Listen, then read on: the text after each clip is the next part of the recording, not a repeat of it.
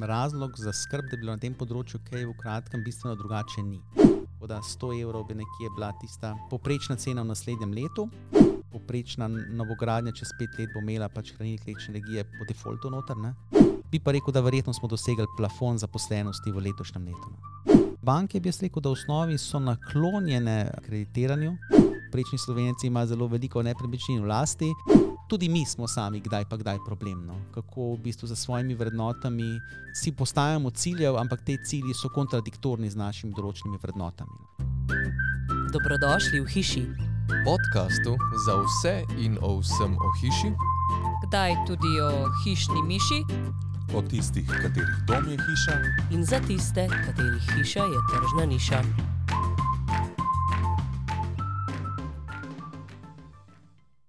Drage poslušalke in poslušalci, pozdravljeni in dobrodošli v 18. epizodi podcasta Hiša.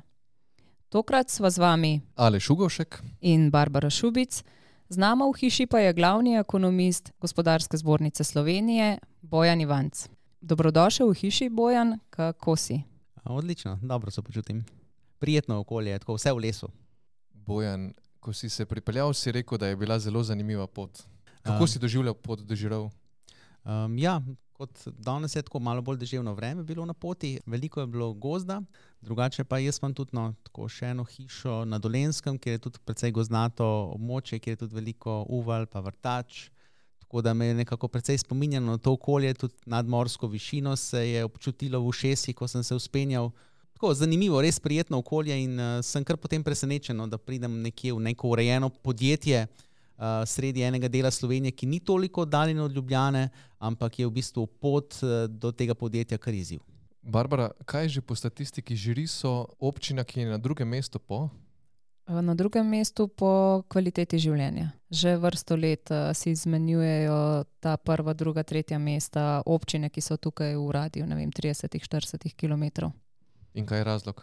Lepa narava, urejene razmere za pač delovne razmere, za- zaposlitev je dovolj, pa ok- okolje in pa zdrav način življenja. No super, torej povabljeni v žiri, dobrodošli. Z Bojanom bomo pogledali in analizirali trenutno stanje na področju gradnje, pogledali v leto 2023 z več različnih zornih kotov in preverili, kako Bojan vidi bolj dolgoročno prihodnost. Da pa te Bojan predstavimo, kdo je Bojan. Bojan je torej kot rečeno glavni ekonomist in vodja analitske skupine Gospodarske zbornice Slovenije, sicer pa še prokurist pri Inštitutu za strateške in gospodarske raziskave, nadzornik v družbi NLB skladi in podpredsednik društva CFA Slovenija. Sem Bojan to pravilno izgovoril CFA? Um, ja, je to anglicizem, lahko bi rekli CFA Slovenija, je pa v bistvu društvo, ki nekako odpira razvoj. Um, v bistvu strokovnjakov, ki imajo CFA naziv, torej to so različni finančni strokovnjaki, ki delajo.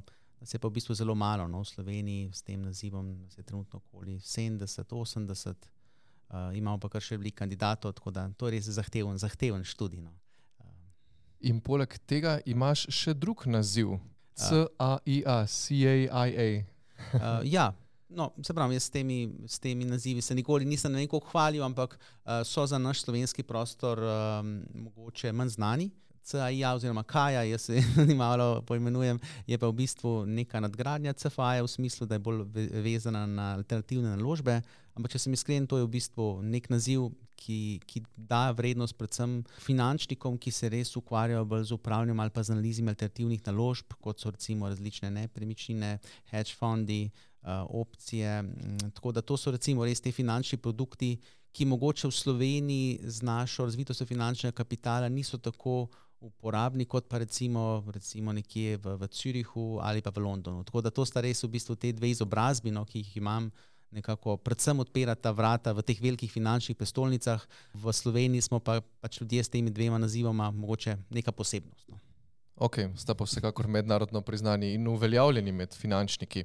Si pa v slovenskih medijih gotovo eden najbolj citiranih ekonomistov, predvsem na področju makroekonomskih napovedi, nekaj o tem bomo danes tudi spregovorili. Si univerzitetni diplomiran ekonomist, magistriral si na to v tujini, če se ne Uh, motim. Jaz magistriral nisem, jaz sem bil na Erasmus izmenjavi in potem v tistem letu, ko smo bili, so nam ponudili še, da podaljšamo tisti letnik za tri mesece in nam dajo v bistvu nek, uh, neko diplomo, master in business, ki v bistvu niti ni primerljiva z našim znanstvenim magisterijem, da se razumemo, tako da se ne pisuje tudi kot magisterij. Je bila pa ena zanimiva nadgradnja, čista projektna naloga. No. Ampak ta izmenjava mi je bila res zanimiva. Tako da jaz recimo Evropo. No, Sem kot človek začutil šele na Erasmus izmenjavi. Takrat šele človek v bistvu začuti. Tako da meni je bilo to recimo fascinantno. In tudi zdaj, ko vem, da ima pač Evropa te programe in da jih širi med različnimi mladimi, tudi na poklicne šole in podobno, jaz samo pravim otrokom, če imate možnost, pejte za eno leto, da vidite, da si razširite horizont, da vidite, da tudi v bistvu, tujci niso veliko drugačni in da tudi znate potem ceniti naše domače okolje. Lepo, lepo si to povedal. Tako, če pa govoriš in znaš to povedati tudi v angleščini, nemščini, francoščini in španščini, imaš certifikat, oziroma potrjeno, da to zelo dobro znaš, brez certifikata pa ti težav ne dela niti italijanščina. Uh, tako bom rekel, moji prijatelji me včasih hecajo, da sem nek certifikat, zbiralec certifikatov. Uh, bodimo iskreni, uh, zelo aktivno znanje številnih teh jezikov, ki si jih naštel, je precej težko pričakovati od mene, ki primarno se ukvarjam z slovenskim in angliškim jezikom. Torej, največ predstavitev imam v slovenščini in angliščini, že dve tretjini v slovenščini, tretjino v angliščini. Tako da to sta v bistvu tista dva jezika, ki jo največ uporabljam. In seveda, recimo med vožnjo poslušam kakšen francoski podcast, poslušam francoščino, recimo, da na višji, malo višji nivo. Ampak je težko, no, dejansko, ko si v službi s srcem in dušo, težko najdeš čas, v bistvu, da tudi nekako. Napreduješ tudi na drugih področjih, ki bi želel, ne tudi na jezikih, bi želel napredovati, ampak so neke meje. No. Tako da jaz, recimo, ko imam nek prosti čas, raje namenjam kakšni dobri knjigi, no, Tako da zelo sem fasciniran nad kakšnimi knjigami, ki nekako dobro pojasnjujejo aktualne okoliščine. Recimo, zelo veliko knjig sem zdaj prebral na področju energetike. To veste, da ekonomisti v osnovi imamo pomankljiva znanja na področju uh, energetike. Ne? To je tudi zelo taka specifična panoga, uh, kjer v bistvu so zelo strokovni termini in v bistvu zelo malo strokovnjakov dejansko razume, kaj energetika dejansko je, razen če ne, pač ne delaš v tem. Tako da tudi za me je bilo fascinantno v bistvu prebrati en par takih knjig. Ne. Sicer ne, si ne delam utvar, da sem zdaj strokovnjak za energetiko, ne. vseeno pa tudi kot ekonomist precej lažje razumem aktualne okoliščine, v katerih se nahajamo. Ne. Kot si Bojan torej povedal, rad prebiraš literaturo, zgodovina, prihodnost financ, pa tudi navdušuješ se nad behavioristiko. Prvi denar pa si zaslužil v oddaji Lepo je biti milijonar. Uspešno si odgovoril na 9 od 15 vprašanj in zaslužil takratnih 500 tisoč dolarjev, današnjih približno 2500 evrov. Ja, jaz moram res to povedati. No. Da v bistvu jaz, ki sem bil že kot mlad otrok, sem bil navdušen, pa tudi vem, da je moj sin to kar malo podedval nad različnimi kvizi. Potem so bili razni te revije, kot Čukec ali pa Čuk, in sem recimo zelo redno uh, reševal križanke, uganke, jih pošiljal, vedno sem bil fasciniran, ker sem dobil kakšno manjšo nagrado, pozornost. To, da sem bil pa pač na milijonarju, je pa tudi uh, bil nek cilj, no? tako da tudi nisem dosegel, seveda v prvem krogu vrstitev v kviz, pač to je bilo takrat potrebno narediti par klicev, imeti srečo tudi za žrebom. Uh, in ja, takrat sem bil res kar, kar ponosen, no, da mi je to uspelo. In ne morete verjeti, da v, bistvu v tistem času no, sem bil mogoče nekje na vrhu po inteligenci, ker kasneje sem se tudi še določenih drugih audicij, kvizov udeležil, pa verjemite mi, da nisem bil uspešen in se potem nisem hotel usramotiti in potem nisem šel tudi v life, ne, kot, kot sem šel takrat. Ne. Tako da, ja, sam pri sebi v bistvu sem. Pač predvsej dobro znam spremljati sam sebe. No, vidim, da pa z leti imam veliko izkušenj, ampak inteligenca pa upada. Ne. Bojana, pa se spomniš, kaj je bilo to deseto vprašanje? Ja, seveda, ja, seveda se spomnim. Je bilo? Ja. Deseto vprašanje je bilo, uh, kateri je bil uh, prvi film o Drakuli, uh, kdo je bil v bistvu režiser, pa kako se je imenoval film. Uh, tako da dejansko takrat sem imel možnost tudi uh, polovičke, mislim, da sem jo izkoristil, Potem sem imel v bistvu še dve možnosti, in potem na koncu je bilo tako, da sem imel še klic v sili. In v klicu v sili v bistvu, uh, so mi v bistvu sorodniki povedali, točno kateri je pravilni odgovor. Potem pa ravno ob zaključku tega klica sem dobil poziv, da je pa drug odgovor pravilen. Ne? In ker sem bil zmeden, sem šel pač bolj na uh, zagotovo varianto, in potem se nisem odločil, da nisem odgovarjal na deseto vprašanje. In tudi ne obžalujem tega, kar sem naredil. Se pravi, prvi odgovor njihov je bil pravilen, drugi pa je malo zmedel situacijo. Tako, ampak tako je tudi v življenju. Človek v bistvu ne sme gledati za nazaj, mora gledati naprej. Tako da sem bil pač ponosen, da sem prišel tako daleč, da sem pokazal nekaj svojega znanja. Tako da denar, pa če sem čisto iskren, niti ni pomemben. Kdo pa je bil takrat voditelj? Uh, Romih, gospod Romih. Gospod je bil, ja. Romih. Še eno vprašanje, kaj je to behavioristika? Uh, to je veda o obnašanju. Zakaj jaz, uh, v bistvu, me fascinira behavioristika? Mi smo se na ekonomiji, jaz sem na ekonomski fakulteti diplomiral, zelo veliko ukvarjali z teorijo racionalnih pričakovanj. z Taylorovim pravilom, ki pomeni, da če je nizka brezposelnost, vedno sledi visoka rast plač. Potem smo se ukvarjali s tem, da, pač nek, da ima v bistvu vsaka država neko omejeno možnost zadolževanja pri čemer smo povedali, da so centralne banke v določenem času pokazali, da temu ni tako. Teorija, teorija behavioristike pa je v bistvu namenjena predvsem temu, da bolj proučuje obnašanje konkretno posameznikov. Zakaj je to zame zanimivo? Približno polovico BDP-ja pomeni potrošnja gospodinstv. In potrošniki v bistvu ne zapravljajo, se ne odločajo za nakupe zgolj na podlagi kakovosti delovnega mesta, ampak tudi na podlagi počutja, na podlagi tega, kaj berejo, vidijo v tisku. Eh, tudi na podlagi mednarodnih okoliščin, recimo, če so prestrašeni nad nečem, se tudi ne odločajo za kakšno večjo naložbo. Odločajo se, torej vedno tehtajo med tem, ali torej se bom odločil za neko potrošnjo ali pa bom znesek privrčeval. In to je tista behavioristika, ki pojasni tisto razliko veste, med tem, ko jaz znam dobro napovedati trg dela, pa recimo gibanje plač, ampak na koncu bo potrošnja odvisna tudi od tega, kako bo potrošnik naklonjen s, uh, v bistvu k potrošnji oziroma k vrčevanju. Ne kajti potrošnik vedno izbira med tema dvema skrajnima možnostima. Ne? In se da to napovedati? Če sem čisto iskren, nisem prišel do zanesljivega modela in tudi bolj kot nekaj sem prebral nekaj študij v tujini. To ni še zanesljiva veda, ki bi pomagala nekako tudi uporabnikom pri uh, napovedovanju konkretno bodoče potrošnje in vezano na to povpraševanje po njihovih izdelkih. Sej konec koncev to tudi je verjetno tržni interes podjetij, tudi, verjetno je tudi namen same vedene, ampak dejansko je problem. Pač ljudje smo zanimiv fenomen in zelo težko je predvideti naše obnašanje. Ljudje in potrošniki oblikujemo in oblikujejo tudi tržišča in tudi gradbeni trg in pa vse, kar se na tržišču dogaja. Kakšno je, če se zdaj v bistvu osredotočimo na glavno temo današnjega pogovora, kakšno je stanje v gradbeništvu trenutno? Torej, vsaj podatki kažejo, tako trdni podatki o gradbenih delih, kot anketni podatki o razpoloženju v gradbeništvu, kažejo, da so precej dobri. Mogoče so celo primerljivi, če gledamo malo nazaj v zgodovino z letom 2007-2008, ko smo bili tudi takrat malo nekje na nekem lokalnem vrhu. Zdaj ne bi želel, že ko to povem, strašiti, da ta vrh, ki je zdaj verjetno blizu nekega, nekega plafona, da to pomeni, da bo pa padec zelo velik, celo menim, da temu ni tako. Namreč moramo vedeti, da če pogledamo malo zgodovino zadnjih deset let, smo dejansko vrsto let zanemarjali uh, vlaganje v naš stanovanski fond, tudi na ravni v bistvu vlaganja v državno infrastrukturo, na lokalni in državni ravni so bila to leta vrčevanja, če se spomnite. In takrat se je zelo veliko vrčevalo na investicijah, zdaj pa dejansko je zopet prišlo do obdobja, ko smo konsolidirali javne finance, ko so se podjetja razdožila in seveda to seveda omogoča, da lahko izvajamo te posle, kot jih imamo. Mogoče pa ta tok eh, neprijeten občutek, ali smo zdaj blizu nekega vrha ali ne, vseeno podaja ta volilni cikl. Mi, vi morate vedeti, da pri nas, pa tudi Indiji, je ta fenomen, da seveda, ko so uh, volitve, sploh zdaj, ko so lokalne volitve, so seveda te lokalne investicije precej močne. In to ni fenomen, ki bi bil ena, samo v Sloveniji prisoten. In to dejansko pojasni to, kar zdaj tudi vidimo, ko se vozimo po Sloveniji. Torej, v bistvu gradbena operativa zelo hitro hiti za izvedbo uh, teh različnih gradbenih del, to je največkrat obnova cestišča, lahko je nadgradnja gradnja s kolesarsko stezo, lahko je v bistvu izboljšanje komunalne opremljenosti občine. To so vse stvari, v bistvu, ki izboljšujejo življenje v nekem lokalnem okolju. Ne? Dinamika pa se, kot rečeno, vezana deloma je na volilni cikl, deloma pa seveda tudi na cikl evropskih sredstev. Tudi ta sredstva pač ne prihajajo linearno in povsem logično je, da pač mi kot uh, Slovenija, kot manj razvita nekako uh, država, seveda je malo večja premica evropskih sredstev in posledično tudi zaradi tega ima te cikle v gradbenem sektorju mogoče malo bolj volatilne kot neki večji trgi,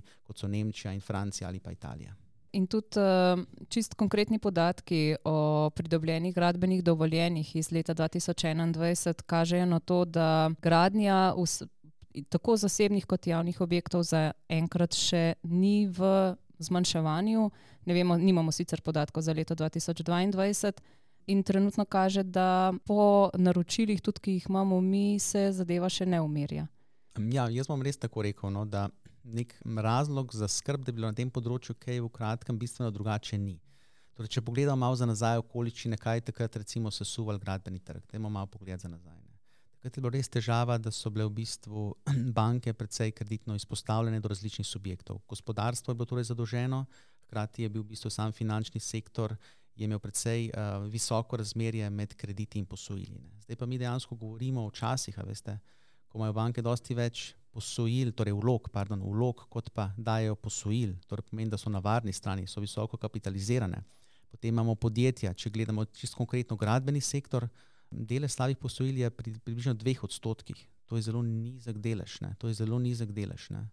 Potem, če pogledamo, vem, kakšen je pa delež uh, slabih posojil pri prebivalstvu, recimo, da bi nas to skrbelo, ne, da bi prebivalstvo recimo, um, zamujalo z, z odplačevanjem posojil. Tudi tukaj vidimo, da je ta delež pri 1,3 odstotkih. In tudi, če gledamo vnaprej, Slovenci nikoli nismo imeli težav z odplačevanjem posojil. Da ne omenim to, no, da je naš dolg, eh, glede na BDP, približno vsaj še enkrat nižji kot je povprečje EU. To sem pač pogledal te podatke. Uh, to je, mislim, da tudi, če gledamo vnaprej, ena priložnost, uh, da lahko financiramo te zadeve. Mogoče kot zanimivost kdo je najbolj, katere so najbolj zadolžene gospodinstva. Ne boste verjeli, skoraj najbogatejše gospodinstva, to so skandinavske države, Danska, Norveška, Švedska, Nizozemska. To so gospodinstva, ki so močno zadolžena. Ne? Pa verjemite mi, da kakovo življenje v držav, tistih državah ni slaba. Tako da dolg v sami osnovi ni slaba zadeva, ne? sploh če v bistvu z njim si kupimo, si izboljšamo okolje eh, in nekako zaradi tega nekako ži, prijetneje živimo. Bojan, kako pa je v ZDA? Koliko so pa tam zadolženi, imaš podatek? Uh, ta podatek nimam pri sebi, ampak tako bom povedal. Uh, v ZDA v osnovi v bistvu že začnejo živeti z dolgom zelo zgodaj, nekako v študentskih letih. Pričemer moramo tudi vedeti, no, da tudi v aktualnih okoliščinah tudi oni nekako oprostijo del študentskega dolga tistim, ki nekako ga ne zmorejo odplačevati. Tako da tudi pri njih v bistvu nekako kapitalizem dobiva malo bolj človeški obraz, ker pač vidijo, da to ne gre. Ne. Zdaj, prednost njihovega sistema, mogoče če rečemo še kakšno besedo, no, zakaj pri njih to prednost in slabost. Ne? S tem, ko pač uh, zaposleni oziroma posameznik nameni več sredstev za študij, seveda ne postane študij univerzalna dobrina, kot je to pri nas, na drugi strani se pa kakovost uh, zelo poveča med najboljšo in najslabšo šolo. In če smo čisto iskreni, kje se najbolj, najbolj kakovostni strokovnjaki iz celega sveta izobražujejo? To so pretežno še vedno ameriške ja. fakultete. Ampak na drugi strani, če pogledamo pa poprečnega američana, kakšna je kakovost njegovega znanja napram poprečnemu slovencu, pa smo lahko na sebe zelo ponosni. Tako da vse zadeve globalno gledano imajo neko prednost in slabost. Jaz mislim, da to, kar imamo mi, da je dobro, bodimo pa pošteni. Ne? Pač tisti naši najboljši ambiciozni posamezniki študirajo v tujini, pa tudi včasih najdejo zaposlitev v tujini, kar je pa tudi legitimno, konec koncev. Mislim, da je to po eni strani tudi dobro, da, da je vsakemu na tem svetu to omogočeno. Mislim, da tudi v bistvu. Tehnologija dejansko mlademu tudi omogoča, no, mu odpre oči, da so dejansko določene možnosti globalne. Ne?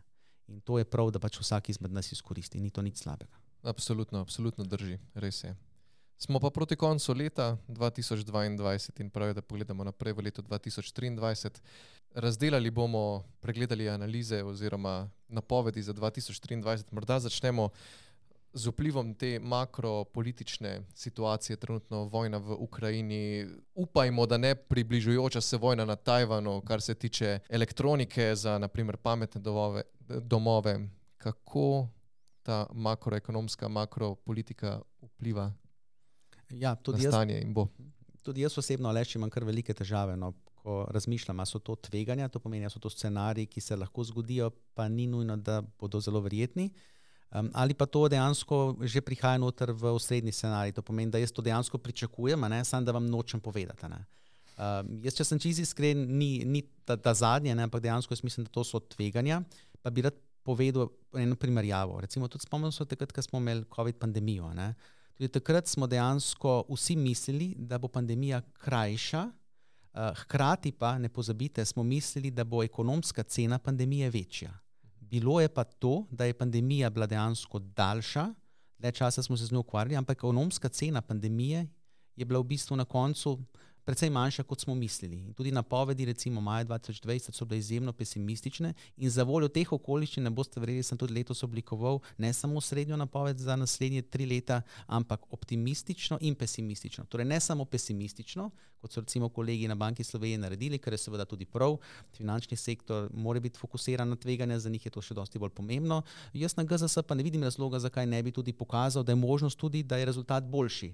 Namreč, če pogledam svoje napovedi, pa pogledam v bistvu, kako je bilo v zadnjih treh letih, so bile moje napovedi dejansko niže od dejanske situacije. In posledično se mi zdi tudi korektno, da svojim uporabnikom teh poslovnih informacij povem, da lahko prihodnost seveda tudi drugačna.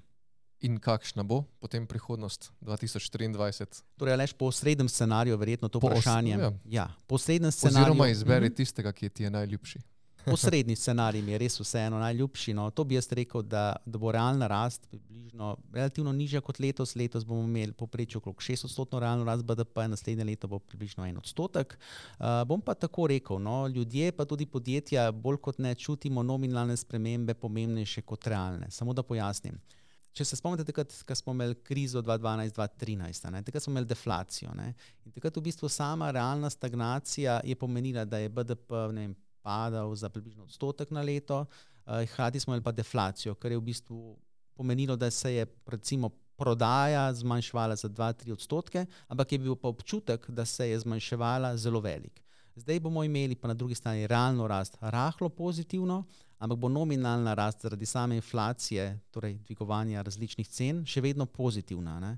To pomeni, da te okoliščine še vedno pomenijo, da bo rast prihodkov poprečnega podjetja govorim poprečnega, zelo odvisno seveda od sektorja, nekje 6 do 7 odstotkov, 6 do 8 odstotkov v teh okoliščinah, seveda pa koliko bo količinsko podjetje prodalo, je pa pač moj neposredni odgovor, seveda odvisno od sektorja, ampak poprečju približno odstotek več. Tako bi bilo mogoče to najbolj pojasneno, zelo težko no, pa koreliramo BDP uh, z nekako s poenostavljenim gibanjem uh, po vseh sektorjih, kajti situacija je različna. Uh, mogoče bi sam pojasnil, no, zakaj sem jaz mogoče celo optimist, no, ker bi kdo mislil, kako da sem, ampak dejansko te napovedi naše so približno podobne kot so napovedi ostalih inštitucij. Uh, mi dejansko mesečno dobivamo pogled, kaj menijo ostali, tako da z tega vidika nisem več večji optimist ali pa pesimist. Uh, bolj kot ne recesije, nihče ne napoveduje. Vsekakor bi pa rekel, da je ena pomembna okoliščina, ki je z nami še ta, torej tudi če bi se nam zgodil slabši scenarij, država ima možnosti, pa tudi željo, da lahko dejansko za svojo fiskalno politiko ohrani naše popraševanje, tako kot v času pandemije. Torej ta proračun, ki ga je vlada nekako predstavila, tudi predvideva naslednje leto, da bo imela približno 2 milijardi morebitnih sredstev, ki jih bo lahko uporabila, da bo nekako ohranila popraševanje v gospodinstvih. In za voljo tega imam nek optimizem tudi za naslednje leto. Cene energentov v letošnjem letu kar krojijo gospodarstvo, še bolj pa verjetno ga bodo v naslednjem letu in tudi um, gradbeni sektor. Kakšno so pričakovanja oziroma kakšen bo vpliv sprememb cen energentov v naslednjem letu? Zdaj, če pogledamo gradbeni sektor, tukaj jaz predvidevam, no, da uh, je to zelo veliko odvisno, kje je konkretno gradbeno podjetje. Torej, tukaj bi rekel, da je v bistvu zemljski plin, pa predvsem naftni derivati, so tisti, no, ki so zelo pomembni za ta sektor, celo nekoliko bolj kot električna energija, po mojem vedenju. Tako da z tega vidika. Torej, če gremo mogoče po teh posameznih surovinah, pričakujem nafto nekje med 90 in 100 dolarji za soček, to je nekako moja osrednja ocena. Pri cenah zemljskega plina še vedno ocenjujem kar visoko ceno, blizu okrog 100 evrov na megavatno uro. Uh, za primerjavo, vrsto let je bila cena nekje 15 do 20 evrov na megavatno uro, zdaj nekje konkretno smo pri 120 evrih, tako da 100 evrov bi nekje bila tista poprečna cena v naslednjem letu. Potem pa seveda, če govorimo o električni energiji, tukaj pa vseeno pričakujem, da se bo v bistvu cena nekoliko znižala, torej zdaj konkretno imamo, če bi se podjetje odločilo za letni zakup električne za naslednje leto, ceno nekje pri 350 evrov na megavatno uro. Torej tukaj je naša osrednja ocena, da cena pod 200 evrov za letno pogodbo ne bo upadla, tako da bomo verjetno imeli neko poprečno ceno približno v naslednjem letu 250 do 300 evrov na megavatno uro. Bi pa rad tukaj vseeno povedal, no, to pač moje mnenje, ne sme biti poslovni na svet, namreč podjetja se ravno v, da, v danih trenutkih pogosto odločajo, ali se bodo odločila za letno zakup električne energije ali pa se bo odločila za mesečni četrtletni zakup električne energije. Um, nekatera tudi nekako dnevna nihanja um, balansirajo z občasnimi zakupi, to so recimo kakšna taka večja podjetja, ki uporabljajo aktivno politiko. Tako da pri sami energetiki, kot rečeno, ko sem zdaj preučeval, moramo vedeti, ne, torej, da ta tržna cena, ki jo gledamo, ni enaka za vse. Torej, določeno podjetje je lahko zakupilo konkreten energent pred enim letom in se s temi visokimi cenami ne sooča. Tisto, seveda, ki pa se danes odloča za zakup energentov v naslednjem letu in pogodbe še nima, seveda pa ima možnost, ali se, bo, ali se bo odločilo za to, ali pa bo počakalo in bo nekako naredilo mesečno zakupe. Kaj pa zdaj bolje, pa če sem iskren, nihče ne ve. To je stvar tvegan. Bojan, o konkretnih številkah bom sedaj le vprašal. Včeraj sem se na okrogli mizi pogovarjal s tremi podjetniki, direktori in člani uprav podjetij iz energetsko intenzivne panoge in smo debatirali o tem, kje je meja vrednosti cene na megavatno uro. In so rekli približno pri 150 evrih. Um, Alež, glede na to, da si se pogovarjal s predstavniki energetsko intenzivnih dejavnosti, bi rekel, da je za njih to verjetno res temu tako. Če pa recimo gledamo neko elektroindustrijo, ne, ki pa je tudi recimo precej pomembna, je pa za njih verjetno tudi 300 MWh spremljivo, kajti pri njih je ta strošek energije v končnem proizvodu relativno nizek. Tako da hočem to povedati. Uh, izziv energetske krize je sledeč. V Evropi, pa tudi v Sloveniji, so predvsem energetsko intenzivna podjetja že znižala porabo. Zakaj? Ker pač ona vnaprej ne naredijo celotno zakupa energenta, ker imajo pač različno, različen način porabe energenta. Torej, recimo 8% količine predvidene zakupijo naprej, 20% pa pač tekoče kupujo, ker imajo nihanje v proizvodnji. Preprosto ne vejo, bodo recimo že v januarju, ne vejo, bodo novembra kupovala več, bodo proizvajala več ali ne. ne? In posledično, ker so te promptne cene oziroma spot cene bile zelo visoke, so ta podjetja zniževala proizvodnjo. Ne? Zdaj, ker imamo pa mi izziv, pa tudi ko malo berem in s tem nekako že mogoče gremo na to temo morebitnega pomankanja materijalov. Je pa problem, ker je predvsem kemična industrija no, tista, ki je precej zmanjšala tudi proizvodnjo, pa tudi industrija materijalov, kot so recimo določ, eh, proizvodnja primarnega aluminija ali pa jekla. In seveda pri teh industrijah je tako, da je zelo težko na kratek eh, rok dobiti te količine od, iz drugih držav, in tudi to je povedano, kar, povezano kar z velikimi transportnimi stroški. In posledično bi rekel, da lahko pride do novičnega vala zamud. Eh, pri teh primarnih materijalih, ki izvira iz tega, eh, da v bistvu aktualne okoliščine destimulirajo proizvodnjo materijalov v Evropi. Torej, po domače povedano, te materijale še vedno mogoče uvoziti, eh, ampak kot rečeno, strošek je potem celoten, dosti večji in pa tudi zelo pomembno je, ker so to količine velikih materijalov, da je v bistvu transportna pot enostavna in hitra. Posledično se bojim, no, da bodo te okoliščine, v katerih smo, pomenile, no, da se bo nekaj sektorjev uh, soočalo s pomankanjem določenih materijalov, recimo tudi v naslednjem letu. In kako bo to vplivalo na končnega uporabnika, na kupca? Na končnega uporabnika, kupca, bo to pomenilo, da bo moral čakati na končni proizvod nekoliko dlje časa, tako kot je bil zdaj vajen pri vozilih. Namreč mogoče avtomobilska industrija je najbolj tipičen primer. Uh, da ona uspešno deluje, je odvisna od mreže dobaviteljev.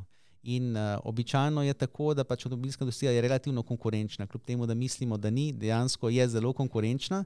Uh, in če je konkurenčna, je to tudi pomenilo, da so pač veliki sestavljalnice vozil želeli optimizirati svoje dobičkonosnost, s tem, da so imeli omejen obseg dobaviteljev. In seveda, ko se zdaj soočajo s temi novimi okoliščinami, dejansko njihovi dobavitelji ne morejo konkretno zagotavljati količin, kot jih želijo. In potem, seveda, ko imate avto na sestavljalnici in če manjka en pomemben del, potem avto ne more biti dokončan. Čeprav moram povedati tako, ne, tudi avtomobilske sestavljalnice oziroma avtomobilske proizvajalci so naredili tukaj nekaj trikov, katerih se mogoče ne govori toliko, ampak dejansko so omogočili kupcem nakup vozil z manjšim naborom, recimo polprevodnikov ali pa električnega vezja. In so na ta način nekako omejile padec proizvodnje, pa fokusirali so se dejansko na premium izdelke. Po domače povedano, čipe, ki jih imajo, niso dale v srednji razred. To pomeni, da smo čakali na poprečen eh, električni klio, recimo, dosti več, kot pa eh, na nek eh, električen, električen premijsko vozilo. In točno to se je zgodilo. Ne? Tako da v bistvu njihova dobičkonosnost teh razmer niti ni toliko upadla, samo količinsko so pa proizvedli in prodali manj.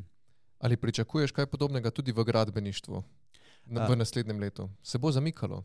Eh, zdaj, v gradbeništvu bi vseeno mogoče šel na čist na te zadnje trende. Ne. Jaz sem si pač malo pogledal, kakšen je delež slovenskih podjetij na področju stavbne gradnje, pa, gradbeno, eh, pa gradbenih del, eh, kakšen delež je tistih, ki pač poročajo, da se soočajo z zamudami pri dobavi materijalov. No. Tukaj moram res reči, da najhujše je bilo v mesecu maju letošnjega leta, ko je bilo takšnih podjetij blizu 40 odstotkov in to je zdaj nekje upadlo na približno 12 do 15 odstotkov, odvisno od teh dveh segmentov. Za primerjavo, dolga leta je pa to, je pa to bila izziv recimo za en, za en ali pa dva odstotka podjetja. Ne.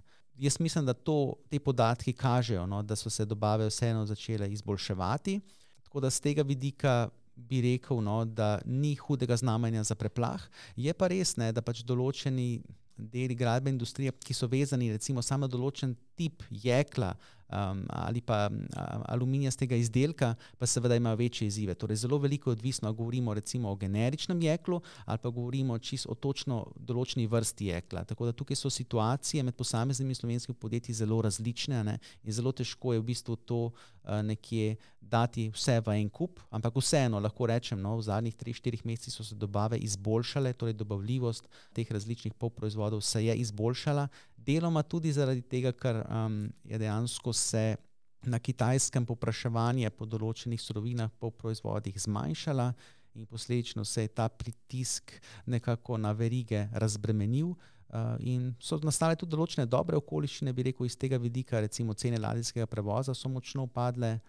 Torej, kljub temu, da v bistvu mednarodna trgovina niti ni tako močno upadla, so cene ladijskega prevoza v enem letu padle za dve tretjini. Da to so recimo tudi take fenomeni. No? Čeprav uh, jaz nekako do predvsej dobro poznam ladijsko panogo. Ne? To pomeni, da že mehna, že mehna sprememba uh, v popraševanju ali pa v ponudbi uh, lahko generira zelo visoke cenovne razlike. Ne? Podobno kot smo to že videli pri nafti. Posod, ko imamo precej neelastično popraševanje ne?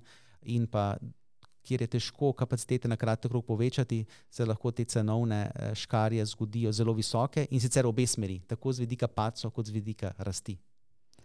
Ko gledamo materijale, ki so krojili gospodarstvo, nekako eh, preteklo in predpreteklo leto poslovne izide, eh, smo se soočali z pomankanjem samega materijala in pa z visoko rastjo cen. Eh, sedaj nekje pol leta določeni materijali že, jim že osnovna cena pada, se pravi cena osnovne surovine, pa kljub temu, ker je kar nekaj um, dobaviteljev vmes oziroma proizvajalcev, polproizvajalcev do uh, končnega uporabnika, če imamo s tem v mislih podjetje, ki proizvaja končni proizvod, uh, ta uh, padec cen ne pride.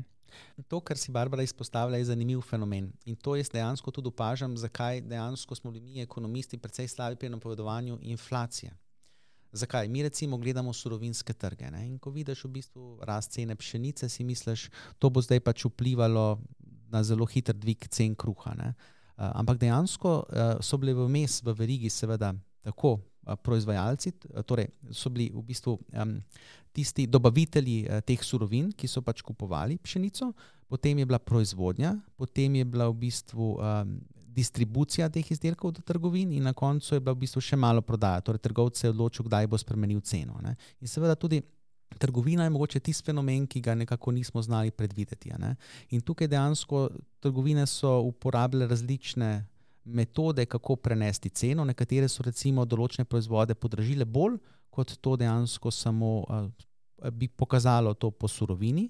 Uh, določene proizvode tam so pa cene načrtno zadrževale, ker je pač bil nek boj za tržni delež. Tako da, kar hočem to povedati, je, da uh, mi, ko gledamo v bistvu cene, proizvajalčeve cene in pa gledamo v bistvu končne cene, tam nastajajo določene škarje ali pa zamiki, ki jih ne znamo si prav dobro pojasniti. Ampak jaz tako razmišljam. Recimo, če imamo kakšen kompleksen proizvod, zdaj ko recimo tukaj snemamo, vidim tale kompleksen snemalnik pred seboj. In tukaj jaz vem, da verjetno določene komponente so bile izdelane vsaj približno pol leta predtem, preden je bil pač ta mešalnik kupljen. To posledično pomeni, da so cene surovin pred pol leta. Uh, ustvarjala neke cenovne pritiske, ki pa jih bo potrošnik plačal in ki jih bo statistika zabeležila šele takrat, ko bo nekdo kupil to napravo. Tako da z tega vidika, Barbara, upam, da sem ti pojasnil, ne? zaradi tega to prihaja. Torej, nekdo je kupil takrat cene, količino po visoki ceni in seveda, če ne bo niže popraševanje, da bi ga bilo strah, da ne bo mogel sploh prodati, zakaj bi on zdaj prodajal po aktualnih promptnih cenah? On mora najprej zalogo po svojih nabavnih cenah prodati, ne? potem bo šele v bistvu boste deležni nižjih, nižjih nabavnih cen. Tako jaz to, to vidim. Ne? Ja, sej, sej tudi mi to tako občutimo, ampak je sploh za pričakovati, da pa bodo cene padle, kljub vsemu, ker uh, zelo veliko vzrokov, ki um, nam jih dajo, recimo, dobavitelji, zakaj cene še kar ne padajo, je v, ne več v ceni materijala, ampak v ceni energenta, ki ga porabijo za predelavo ali pa obdelavo. Se pravi, vedno je en razlog, zakaj ta padec še ne more priti. Recimo tukaj je res kar izziv, ker ta inflacija pač generira uh, sive lase za gospodinstva, za podjetja bi pa rekel celo nekoliko več. Zakaj? Ko sem pogledal dejansko zgodovino, cene električne energije so bile vedno nekje v Evropi med 60 in 80 evrov na megavatno uro. Ne. Zdaj, kot rečeno, sem omenil, uh, da so nekje pri 350 za letno pogodbo v naslednjem letu. Povprečna tehtana cena električne energije, ki jo pa podjetja plačujejo v danem trenutku, je pa nekje za vašo informacijo 180 evrov na megavatno uro. Ne.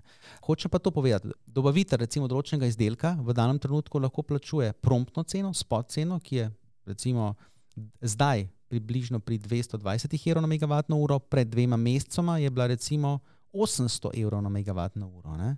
In uh, je zelo težko dejansko potem tudi v pogajanjih uh, videti, ali je dejansko bila njegova proizvodna cena takrat res tako visoka ali ne. ne? Tako da. Um, Ja, energetika je precej večji izziv kot pri surovinah. No. Pri surovinah je v bistvu benchmark precej lažje definirati. Ne. Recimo, ja. rečeš, da za določene jeklene izdelke je benchmark Europe Steel ne. in se približno gibanje približno podobno. Ne pri električni energiji pa dejansko, če podjetje dejansko ne pokaže svoje pogodbe, ne, ker pa veste, da včasih tudi to poslovna skrivnost, uh, je pač potrebno verjeti na njegovo besedo oziroma zaupati njegovemu dolgoletnemu odnosu. Vse pravim, tudi pri naša podjetja imajo izziv to z recimo ključnimi kupci v tujini ko nekako isto poskušajo pojasniti, zakaj pa seveda želijo dvigovati ceno. Ne. Tako da idealen scenarij bi res bil, ne, da na drugi strani je razumevanje, da je iskrenost, uh, ampak če sem čisto iskren, v danih razmerah pač tisti, ki je močnejši, tisti pač določa, kako bo. Torej, če je to večji kupec, je kupec tisti, ki bo pač povedal, kako verjetno bo. Ne. Bojem, dotaknimo se še zaposlenosti. O tem še nismo govorili, kako kaže zaposlenost v letu 2023. Bomo imela podjetja probleme z zaposlenimi? Ja, pri zaposlenosti mislim, da se bo zgodil zanimiv fenomen. Torej, še vedno bi smeli, da bo v določenih panogah strukturno primankovalo zaposlenih, to bolj kot ne so. Podobne panoge že vrsto let, e, to je pač transport, socialna oskrba, zdravstvo, da ne omenim določeni deli predelovalne dejavnosti, gradbeništvo, turizem, gostinstvo. Ampak tukaj mislim, da, da se bo zgodilo to, no, da bo industrija sploh industrija materijalov tista, no, kjer menim, da bo prišlo do malo večje optimizacije števila zaposlenih. To pomeni, da ne pričakujem radikalnega paca zaposlenih. Naša srednja cena je 5000 manj delovnih mest kot poprečju letošnjega leta. Uh, bolj kot ne ostale inštitucije, mislim, da je prav, da to veste, napovedujejo celo rahlo, celo dodatno rast zaposlovanja, ampak jaz bi rekel, vseeno dane okoliščine bodo vplivali na to, no, uh, da bodo določene dejavnosti uh, nekako ne bodo podaljševali recimo, pogodbe za določen čas ali podobno. Tako da bolj na mehk način pričakujem, da bomo neto izgubili teh 5000 delovnih mest. No. Eh, na drugi strani pa, da bi pričakoval neke večje pace, pa tudi ne. No. Eh, ni razloga za to, no, ker naša podjetja poprečju so precej nezadolžena. Tudi če pogledamo neke ekstremno zadolžena podjetja, jih res ni veliko. To smo mi v preteklosti prek slabe banke, prek prestrukturiranja res eh, precej dobro očistili. Tako da me ni strahno, da bi se zdaj soočali z nekim večjim številom stečajev ki bi vodile do rasti brezposelnosti. Tako da ne, to me nekako ne skrbi, bi pa rekel, da verjetno smo dosegli plafon zaposlenosti v letošnjem letu. No. Ko govorimo o gradbenem sektorju in investicijah, ne moramo jeti mimo kreditov. V preteklem letu ali pa v letu pa pol smo bili priča povišanju cen, pa kljub temu dobri gospodarski rasti, tudi v uh, gradbenem sektorju, predvsem tudi z vidika uh, zasebnih investitorjev, ki niso imeli problem dobiti kreditov. V Avstriji vem, da se zdaj to spremenja in so sprejeli uh, nova pravila, kjer je bistveno več potrebno imeti svoje, svojega denarja za investicijo in potem šele pridobiti kredit. Kako bo v Sloveniji, se, bo spremenil, se, se bodo spremenili pogoji, obrestne mere, kaj se pričakuje? Ja, torej v osnovi so že banke pač po tej sanaciji bolj kot ne vse projekte financirane temeljijo na denarnih tokovih. To pomeni, če denarni tokovi zdržijo uh, projekcije, če projekcije zdržijo neko osrednjo realnost, potem projekt je odobren. Tako da banke, bi jaz rekel, da v osnovi so naklonjene kreditiranju, uh, da bi bilo zdaj strah, da bi se na, na, delu, na, na stanovanskem delu zgodilo kaj dramatičnega, mislim, da ni.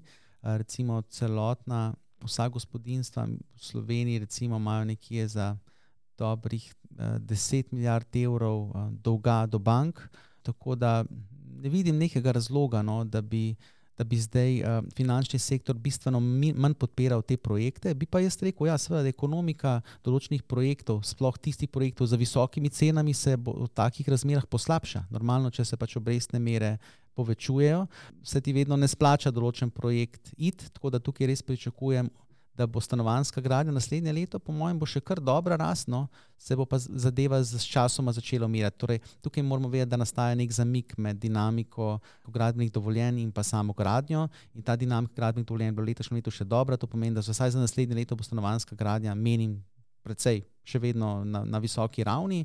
Za vnaprej je pa, bi rekel, no, določeni projekti, kjer, so, kjer se je prodajalo po kvadratnem metru 5000-6000 evrov, tam pa je, bi rekel, že malo vprašljivo v obdobju teh višjih obrestnih mer, s katerimi se bomo soočali, ali bo ta zadeva na trgu še pila vodo. Tam bi pa rekel, da se bo to ustavilo. No. Ja, ravno to je bil podatek, ki smo ga ta teden dobili iz Avstrije, da gradnja zasebnih uh, objektov se nadaljuje tudi javnih šol in vrtcev, vendar pa večstanovanski objekti pa uh, se že čuti padec. Ja, torej, v bistvu v Sloveniji moramo vseeno vedeti, da smo pač mi morda malo manjši trg, nismo tako integriran trg. Morate tudi vedeti, da v bistvu tujci na našem nepremičninskem trgu niso, eh, niso tako močni, da bi v bistvu prek institucionalizacije vplivali na naš trg. Po domačem povedano, če, če bi imeli recimo večji del stanovanskega fonda v lasti nepremičninskih igralcev, bi se te zadeve hitreje poznale, bi se dinamika hitreje umirila, hitreje bi verjetno tudi porasla, bi bili hitrejši rasti in paci. Tako pa je pri nas so nepremičnine tak zanimiv fenomen. Jaz bi celo rekel, da niso nek tržni fenomen, z izjemo v Ljubljani, no, kjer bi jaz rekel, da je ta stanovanski fond tako velik, da trg še nekako obstaja, uh, drugače pa to kot neka naložba za, za tipično gospodinstvo, kot buy and hold. Ko pač nekaj kupiš in imaš dolgo časa, namreč obdavčitev je še vedno relativno ugodna uh, nepremičnin in seveda to je pač tudi nek naložbeni razred za tipičnega slovenca. Uh, kar je pa res problem, bi jaz rekel, pa izzivno, uh, je pa predvsem kakovost tega stanovanskega fonda. Torej, poprečni slovenec ima zelo veliko nepremičnin v lasti, uh, je pa res, da se tako odgovorno ne obnaša do vseh teh nepremičnin, torej premalo vlaga v njih, uh, bolj kot ne jih vidi res kot naložbo. In tukaj bi rekel, da imamo neko možnost za izboljšavo. Prvič, da dvignemo delež poseljenih nepremičnin. Ne? Da to dvignemo, ne, da začnemo bolj racionalno jih uporabljati. Ampak tukaj vsi vemo, kaj je. Problem je v bistvu politična občutljivost te teme. Ne. Uh, vrsto, uh, velik del prebivalstva, sploh starejše prebivalstvo, ki je zelo pomembna volilna baza, imajo v lasti velik del teh nepremičnin. In seveda ni uh, v interesu seveda nobene politike, da bi tukaj bistveno spreminjala to področje obdavčitve. Ne. In kar se nam dogaja v praksi, je pač to, da so običajno starejši ljudje lastniki nadpoprečno uh, velike kvadrature svojih nepremičnin, na drugi strani pa imamo mlade, ki nekako poskušajo na trgu uh, dobiti neko prosto nepremičnino, ker je pa teh nepremičnin zelo malo, se nam pa pač tudi potem dogajajo te visoke cenovne, cenovne rasti. Ne. Vidim, da ti behavioristika res prav pride. ja, to je za me res, uh, z, z, mislim, tako. No, jaz na gospodarski zbornici pravim, nisem tipičen makroekonomist, jaz sem tudi tako sektorski ekonomist in sem marsikateri sektor sem do dobra tako spoznal, ker sem sodeloval pri različnih uh, konferencah. Tako da te teme so za me. Pomembne. No? Tako da včasih um, ni problem samo obrestna mera, niso problem delovna mesta, včasih so res problem tudi uh, tudi mi smo sami, kdaj pa kdaj problemno. Kako v bistvu za svojimi vrednotami si postajamo ciljev, ampak te cilji so kontradiktorni z našimi določenimi vrednotami. No. Ne glede na to, kater sektor gledamo, vedno na koncu pridemo do ljudi in njihovih želja, uh, izkušenj oziroma potreb. Ja, mogoče se en primer, no, kar mi je tudi zanimiv fenomen. Ne. ne vem, če veste, ampak v Sloveniji imamo zelo visoko dojemanje o tem medgeneracijskem prenosu nepremičnin iz starejše generacije na mlajšo. In posem običajno, oziroma pričakovano je, da nekako uh, starši svojim otrokom, ko nekako preminjajo, uh, prepustijo nepremičnino prosto bremenane. To je v bistvu na Zahodu že skoraj fenomen. Ne. Tam dejansko to nepremičnino, ki jo pač v bistvu imajo, ki je na koncu njihove življenjske dobe uh, odplačana, namenijo temu, da si lahko financirajo kakovostno starostno oskrbo. Ne.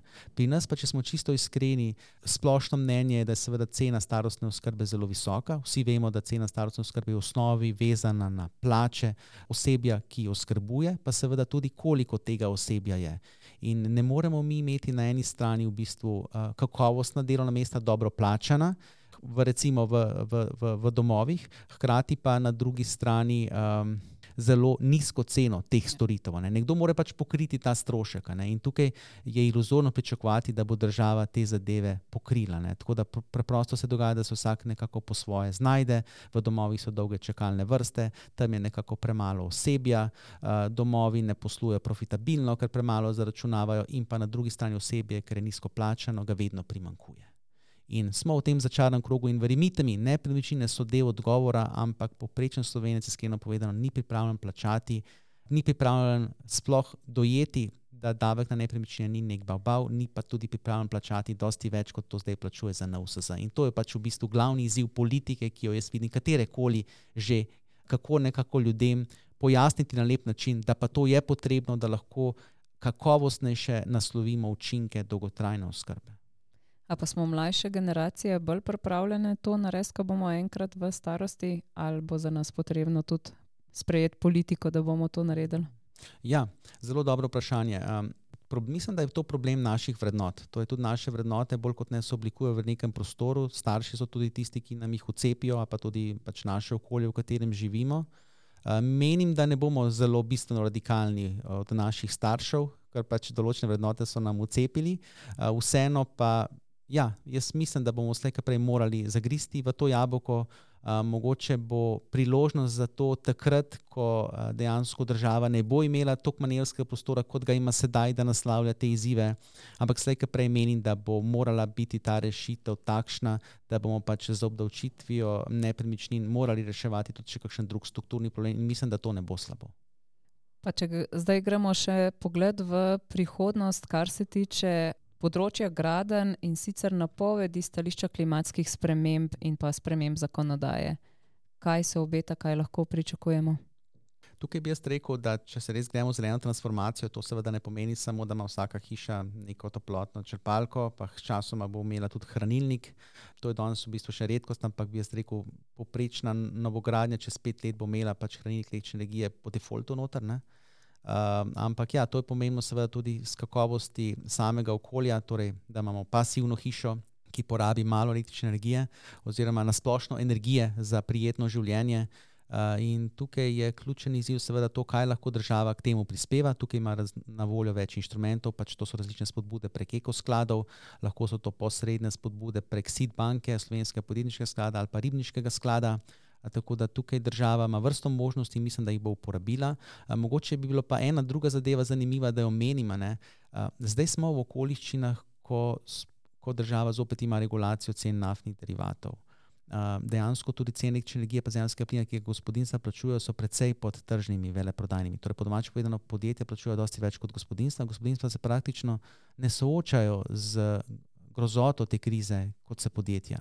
In moj namen tega je predvsem, da vam povem, da je to začasne narave. Torej, ko se bodo veleprodajne cene dejansko znižale in ko bodo te izjemni ukrepi, ki nekako ohranjajo nizke cene pri gospodinstvih, odpravljeni, menim, da bo slej kot prej na nivoju EU-ja, pa tudi na nivoju Slovenije, torej na nivoju Slovenije bo prek evropskih direktiv to moralo biti sprejeto, da se bo zopet eh, penaliziralo uporabo fosilnih goriv za ogrevanje gospodinstva oziroma za njihovo uporabo. To pomeni, po domače povedano, verjetno bodoče okoliščine bodo take, da bodo trošarine na fosilna goriva kvečemu še više, kot so bila pred nekako samo energetsko krizo, ker bomo le na ta način v bistvu lahko stimulirali obnovljive vere in stimulirali prebivalstvo, da pač prehaja iz fosilnih verov na obnovljive vere, torej da se elektrificira. In to seveda ima neko svojo ceno, seveda jo ima, ampak menim, da bo šlo to v jasno smer, takoj, ko bomo nekako te izredne ukrepe odpravili. Torej, nekdo, ki recimo zaradi aktualnih okoliščin eh, razmišlja, da je pa kurilno ure mogoče pa res najceneje, ker je pač um, regulacija marš, ampak tukaj dejansko čez 50 let je vprašljiva ekonomika, kaj, kateri energent se bo bolj splačal. Predvsej verjetno je, da bo tudi davčna zakonodaja takšna, da bo spodbujala um, ele, ele, elektriko, oziroma da bo spodbujala nekako sodobno hišo, ki, ki je nekako zelo učinkovita in nekako zmanjšuje uporabo fosilnih virov. Bojan, iskrena hvala. Ogromno enih podatkov si danes prinesel s sabo in jih povedal. Poskusil bom povzeti v nekaj kratkih odstavkih, kar smo povedali, kar si povedal.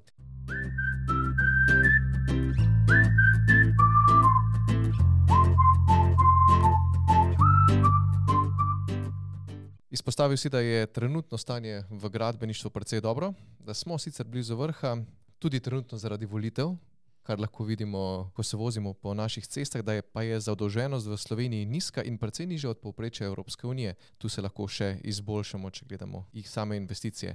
Če pogledamo v leto 2023, bo realna rast BDP-ja nižja kot letos, bo pa rahlo pozitivna. Bojan je optimističen za naslednje leto, bolj kot cena materijalov, pa bo verjetno problem dobava, čeprav na področju gradbeništva pretresov ni pričakovati, v drugih industrijskih sektorjih nekoliko več. V zadnjih treh do štirih mesecih so se dobave izboljšale, padca cen vhodnih materijalov in posledično tudi cen končnih produktov pa vsaj na kratek rok ni pričakovati, tudi zaradi vpliva nepredvidljivih cen energentov. V določenih panogah bo problem zaposlenosti, ta bo ostal, samega padca zaposlenosti pa ni pričakovati. Ko govorimo o problemih zaposlenosti, je bolj problem v tem, da ne bomo uspeli dobiti ustreznih kadrov. Banke so obrestne mere kreditov že zvišale, so pa naklonjene kreditiranju, stanovanska gradnja pa bo še vedno na visoki ravni. Potem po letu 2023 pa je to bolj vprašljivo. Kar se tiče dolgoročne napovedi, pa bo bistven vpliv države, kako bo posegla v ukrepe za spodbujanje zelenega prehoda in trajnostnega gradbeništva, se bodo pa fosilna goriva, njihova količina zagotovo zmanjševala, vedno intenzivnejša pa bo elektrifikacija. Torej, na kratko, nek povzetek tega pogovora, in prišli smo k predzadnjemu delu.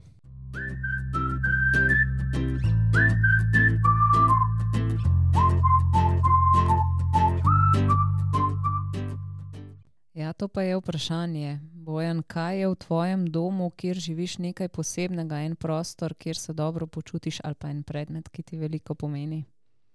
Ja, jaz najbolj se res počutim nekako v svojem delovnem kotičku. To je sicer soba s štirimi kvadratnimi metri, ki pa je nekako precej um, predvidljiva. Torej, točno vem, kaj imam nekje na kakšnem določenem mestu. Uh, Pomembno je v bistvu, da imam uh, dovolj električnih priključkov za laptop, pa za vse periferne naprave, uh, potem imam par teh uh, strokovnih knjig v bližini, tiskalnik. Pomembno je, da ko se obrnem ven čez okno, da imam pogled na zeleno, da malo spočijem oči. Tako, no, to je ta prostor, no, ki mi mogoče najbolj ustreza. Imam pa zelo veliko lesa drugače ob sebi. No. Govorim pač o, o stanovanju v sobi, uh, mislim o sobi, ki je v stanovanju. No. Tako da imam bambusov parket, pa potem tudi pač police so iz, iz lepega lesa, tako da imam take tople, tople barve okoli mene. Imaš eno tretjino do eno polovico lesa v prostoru, tako, tako je priporočilo. Vidnih površin. Vidnih površin. Uh, da, rekel bi, da ja. Rekel bi, da imam toliko. Ja. Tako je. Torej, ravno prav. ravno prav. V prejšnji epizodi je to izpostavila Andreja Kutner. In zadnji del, najbolj kreativen, najbolj zanimiv, Najbolj sproščen del je hišarija, v katerem te bo vas Barbara postavila pred izziv, ki je povezan s tabo, pa ga verjetno ne pozna večina ljudi. Sam kot bivši sodelavec, tvoj sodelavec, to poznam, govorili bomo o glasbi. Tebi glasba je blizu. In tudi petje. Zakaj to vem? Zato, ker smo imeli leta nazaj novoletno zabavo, kjer smo organizirali karaoke. In tudi ti si sodeloval na teh karaokah, se spomniš tega? Ne vem, mogoče sem malo še pozabil. Zdaj se noče spomniti. in za vse poslušalke in poslušalce Bojan se je zelo dobro odrezal. Mislim, da celo do polfinala, da si takrat prišel. Um, ja, mo možno, možno, možno. no, delček tega bomo preizkusili danes, ampak preden gremo na same karaoke, ki te čakajo, sedaj se lahko psihično začneš pripravljati en kratek kviz. Kviz, glasbeni kviz. Uh, v kvizih si dober, pa da vidimo, ta bo enostaven. Dobro. Ta bo enostaven in v vprašanju ima že vse odgovore. Ti moraš sam povedati, uh, kaj je tebi blizu. Rok ali pop? Pop. Slovenski ali tuji komadi? Tuji komadi. Eurovizija ali slovenska popevka? Eurovizija. Šankrok ali Mambo Kings? Mambo Kings. Jan Plestenjak ali Vili Resnik? Vili Resnik. Helena Blegne ali Tinkara Kovač? Gara Kovač. Atle si rabo par sekund. Backstreet Boys ali Guns N' Roses. Backstreet Boys. Gianna Nanini ali Edith Piaf. Gianna Nanini. Mašina. Si jih izstrelil. Ja, ja, ja. poznam jih vse, razen pri tistih dveh pevkah, re- resnično povem, da mi nobena ni najbolj blizu, no, tako da zaradi tega sem imel malo pomisleke. Aha, Helena Ja, Blagne ali ja. Tinkara. Okay. Pre, premalo pop. Tako je. Ja. tako je. Sedaj pa na težji del. Bojan, se spomniš, kateri komat si pil v polfinalu karaoke? Ne, res ne povem. Bil je en ne, tuj ne. balkanski komat iz Eurovizije, Marija Šerifovič, Molitva. Poznaš Okej. komat? Ja, poznam. poznam. Pripravili smo karaoke, molitva, ampak pel boš samo, samo refren. Vse ostalo bo odpela Marija. Torej, spustili bomo komat in ko pride refren, je tvoj trenutek. Drage poslušalke in poslušalci, Marija Šerifovič, Bojan Ivanc in molitva.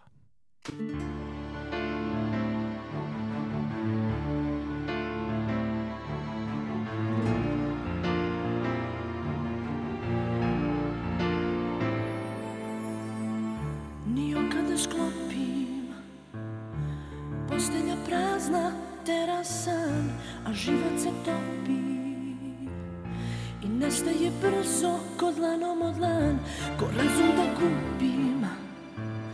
Jer stvarnosti ne primećujem Još uvek te ljubim. Još uvek ti slepo verujem Ko luda, ne znam kuda Ljubavi se nove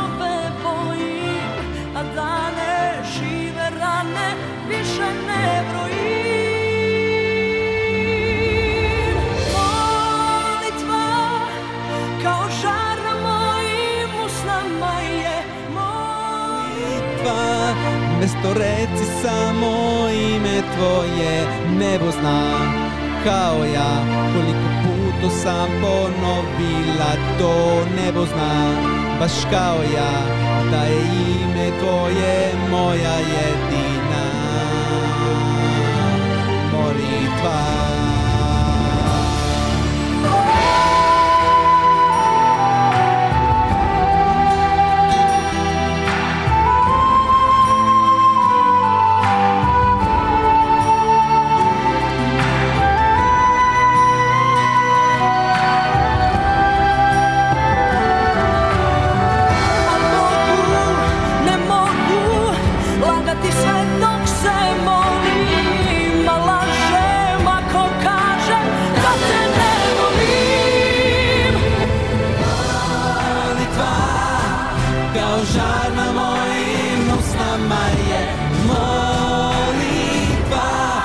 Mesto reci samo ime tvoje.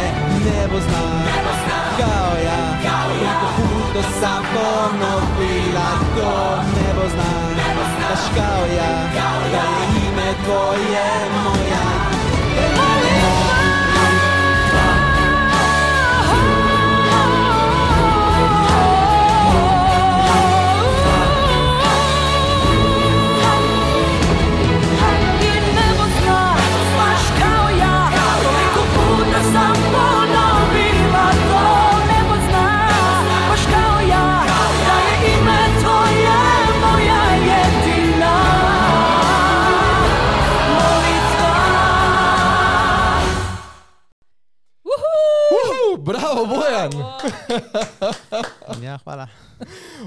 Odlično! Ja, to mi je bil najtežji del podcasta Zato, ker nisi vedel. Ker nisem bil pripravljen, Ja, tako ja. ja, ja. Ampak dobro. Zato Dobro. se mu reče izziv, ki ga ne poznajo gostje. Ja, zdaj mi je pa jasno. Bom posvaril druge goste. Naj se bazijo. Ma, glej, vrhunsko si ga izpeljal. Hvala. Veš, kdo je naslednji gost? Verjetno zadnji del slabšno, ampak ja. dobro. Ne, ne vem, kdo je naslednji gost. Kdo bo 19. epizoda? Aha, Bomo, Barbara bomo bo. povedali. Torej, hvala vsem, hvala res Bojan, da si bil tudi pripravljen sprejeti tale A izziv. bo Marija Šerifovič? Ne bo. Upam, da ne. Torej, hvala ti. S veseljem. Hvala lepa. In hvala vsem, ki ste bili z nami v 18. epizodi podcasta Hiša. Oglasite se nam preko elektronske pošte hisaaf.m-sora.si. Vabljeni pa ste zopet v našo družbo čez dva tedna, ko bomo končno spregovorili o oknih. Z Borisom bova gostila našo Barbaro Šubic, direktorico M-sore Mizarstvo. Barbara, boj se, ki pa bo povedala vse o lesenih oknih. Zanimivo bo, do takrat pa vse dobro in srečno v vaši hiši.